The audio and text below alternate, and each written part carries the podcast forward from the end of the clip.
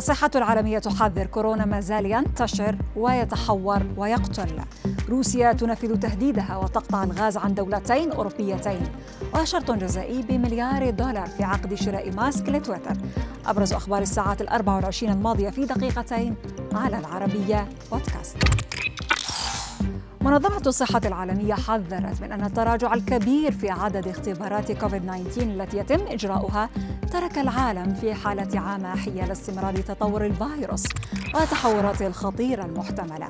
المنظمة أشارت إلى أن الفيروس ما زال ينتشر وما زال يتحور ويقتل. بالرغم من أن الإصابات والوفيات التي يبلغ عنها حاليا سجلت تراجعا كبيرا. مدير المنظمة رحب بهذا الاتجاه في مسار الفيروس لكنه حذر من أن انخفاض الأرقام قد يكون أيضا نتيجة للتراجع الكبير في عدد الاختبارات التي تجري للكشف عن الإصابات بالفيروس.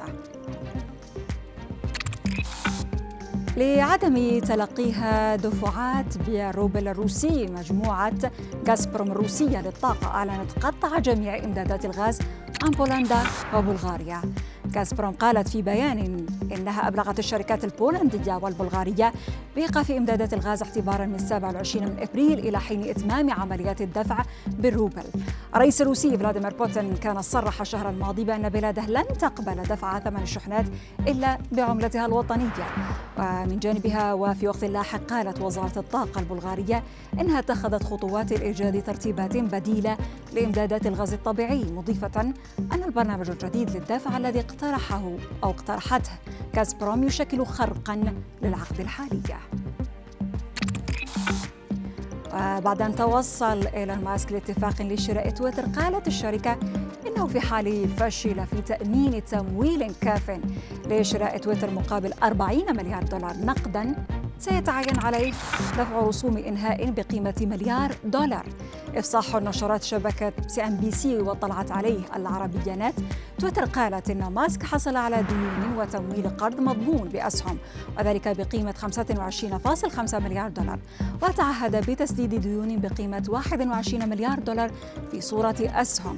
الإفصاح كشف أيضا عن إمكانية إلغاء الصفقة إذا لم يتم إغلاقها بحلول الرابع والعشرين من أكتوبر القادم. سجن جديد فتح أبوابه في سويسرا لمن يريد البقاء خلف الأسوار. شريطة يكون له سجل جنائي نظيف ومن سكان مدينة زيورخ في سويسرا. حجم الإقبال كان منقطع النظير فقد تقدم أكثر من 800 شخص للمشاركة في هذه التجربة الفريدة. هدف هذا السجن من الاختبار هو التأكد من سير العمليات والإجراءات بشكل صحيح قبل الافتتاح الرسمي لقسم الاحتجاز المؤقت في السجن الغربي.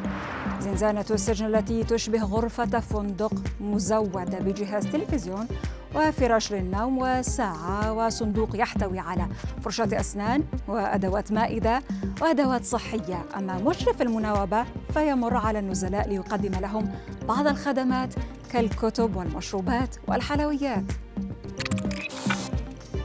في أول تعليق لها على الجزء الثالث من مسلسل الاختيار قال الرئيس المصري عبد الفتاح السيسي إن ما عرضه المسلسل هو ما حدث في الواقع في ذلك الوقت.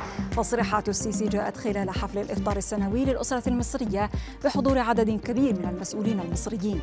الرئيس المصري تحدث في محاور عدة أهمها إعادة تفعيل عمل لجنة العفو الرئاسي لدراسة أوضاع المسجونين وتكليف الحكومة بطرح شركات مملوكة للقوات المسلحة في البورصة قبل نهاية العام الحالي. وأيضا الإعلان عن برنامج لمشاركة القطاع الخاص في الأصول المملوكة للدولة بهدف عشرة مليارات دولار سنويا ولمدة أربع أعوام